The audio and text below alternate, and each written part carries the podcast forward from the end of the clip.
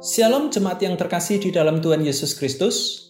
Penuntun saat teduh Sinode Gereja Kristen Jakarta hari ini, Selasa 5 April 2022. Orang jahat selalu menang.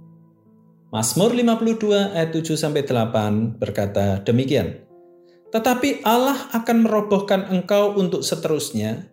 Ia akan merebut engkau dan mencabut engkau dari dalam kemah membantun engkau dari dalam negeri orang-orang hidup. Maka orang-orang benar akan melihatnya dan menjadi takut, dan mereka akan menertawakannya. Hukum moral dalam hidup ini menyatakan bahwa kejahatan akhirnya akan kalah, sedangkan orang benar akan menang. Namun, dalam kehidupan nyata, acap kali kita menemukan hal sebaliknya. Orang jahat kelihatannya semakin jahat, semakin jamawa dan semakin bebas melakukan apa pun yang diinginkannya. Sedangkan orang benar menderita, diperlakukan tidak adil, bahkan sampai binasa.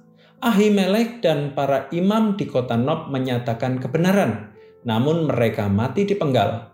Apakah itu berarti Tuhan membiarkan kejahatan yang dilakukan Doeg dan mengabaikan orang-orang benar?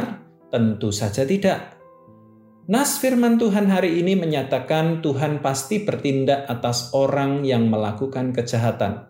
Tuhan menyatakan keadilan dan menjatuhkan hukuman atas kejahatan Doeh. Empat kata kerja dalam ayat 7 ini menegaskan tindakan keadilan Tuhan itu. Tuhan merobohkan, merebut, mencabut, dan membantun. Keadilan dan hukuman Tuhan ini dinyatakan dalam kehidupan Doeg saat ini. Sebab orang benar akan melihatnya, ayat yang ke-8. Tuhan pasti akan turun tangan dan menghakimi orang-orang yang berbuat jahat untuk menyatakan keadilannya. Pelajaran penting bagi kita ketika diperlakukan tidak adil dan disakiti oleh orang lain adalah mengingat bahwa Tuhan pasti tidak akan tinggal diam. Serahkanlah ke dalam tangan Tuhan yang menghakimi dengan adil. Biarkan kita tetap didapatinya berlaku benar di hadapan Tuhan dan sesama.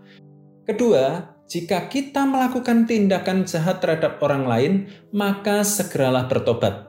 Akui kesalahan dan perbaruilah relasi dengan orang lain, sebab Tuhan pasti tidak akan tinggal diam. Dia akan menyatakan keadilannya dan menghukum kita yang terus melakukan kejahatan.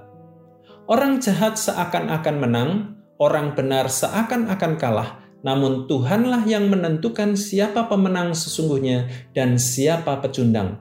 Selamat beraktivitas, Tuhan Yesus memberkati.